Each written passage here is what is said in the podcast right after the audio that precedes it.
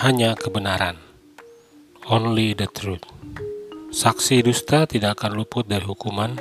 Orang yang menyembur-nyemburkan kebohongan tidak akan terhindar. Amsal 19 ayat 5. Seorang anak lelaki berusia 12 tahun menjadi saksi kunci dalam suatu perkara. Salah seorang pengacara setelah mengajukan beberapa pertanyaan bertanya, Ayahmu pasti telah mengatur apa yang harus kamu katakan, bukan?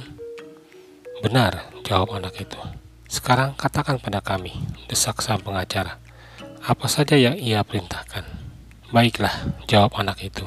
Ayah mengatakan bahwa para pengacara akan mencoba membingungkan saya. Tetapi apabila saya cermat dan berkata benar, saya akan mampu mengatakan hal yang sama setiap saat. Orang yang benar tidak memiliki sesuatu pun yang perlu disembunyikan.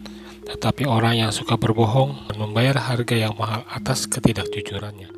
Satu kebohongan akan berkembang menjadi kebohongan lain untuk menutupi kebohongan yang dilakukan sebelumnya dan selanjutnya orang itu terjebak dalam jerat ketidakjujuran. Amsal 19 ayat 5 berkata, Saksi dusta tidak akan luput dari hukuman, orang yang menjembur-jemburkan kebohongan tidak akan berhindar.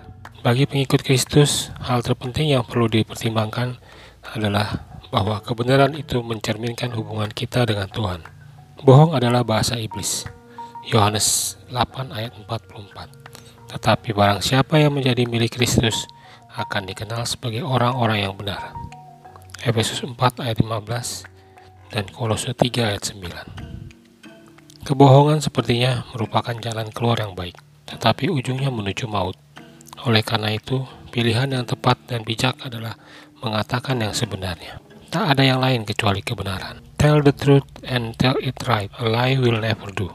The Bible says that God is truth. He wants the truth from you. Orang yang suka mereka-reka cerita akan mengalami berbagai kesulitan.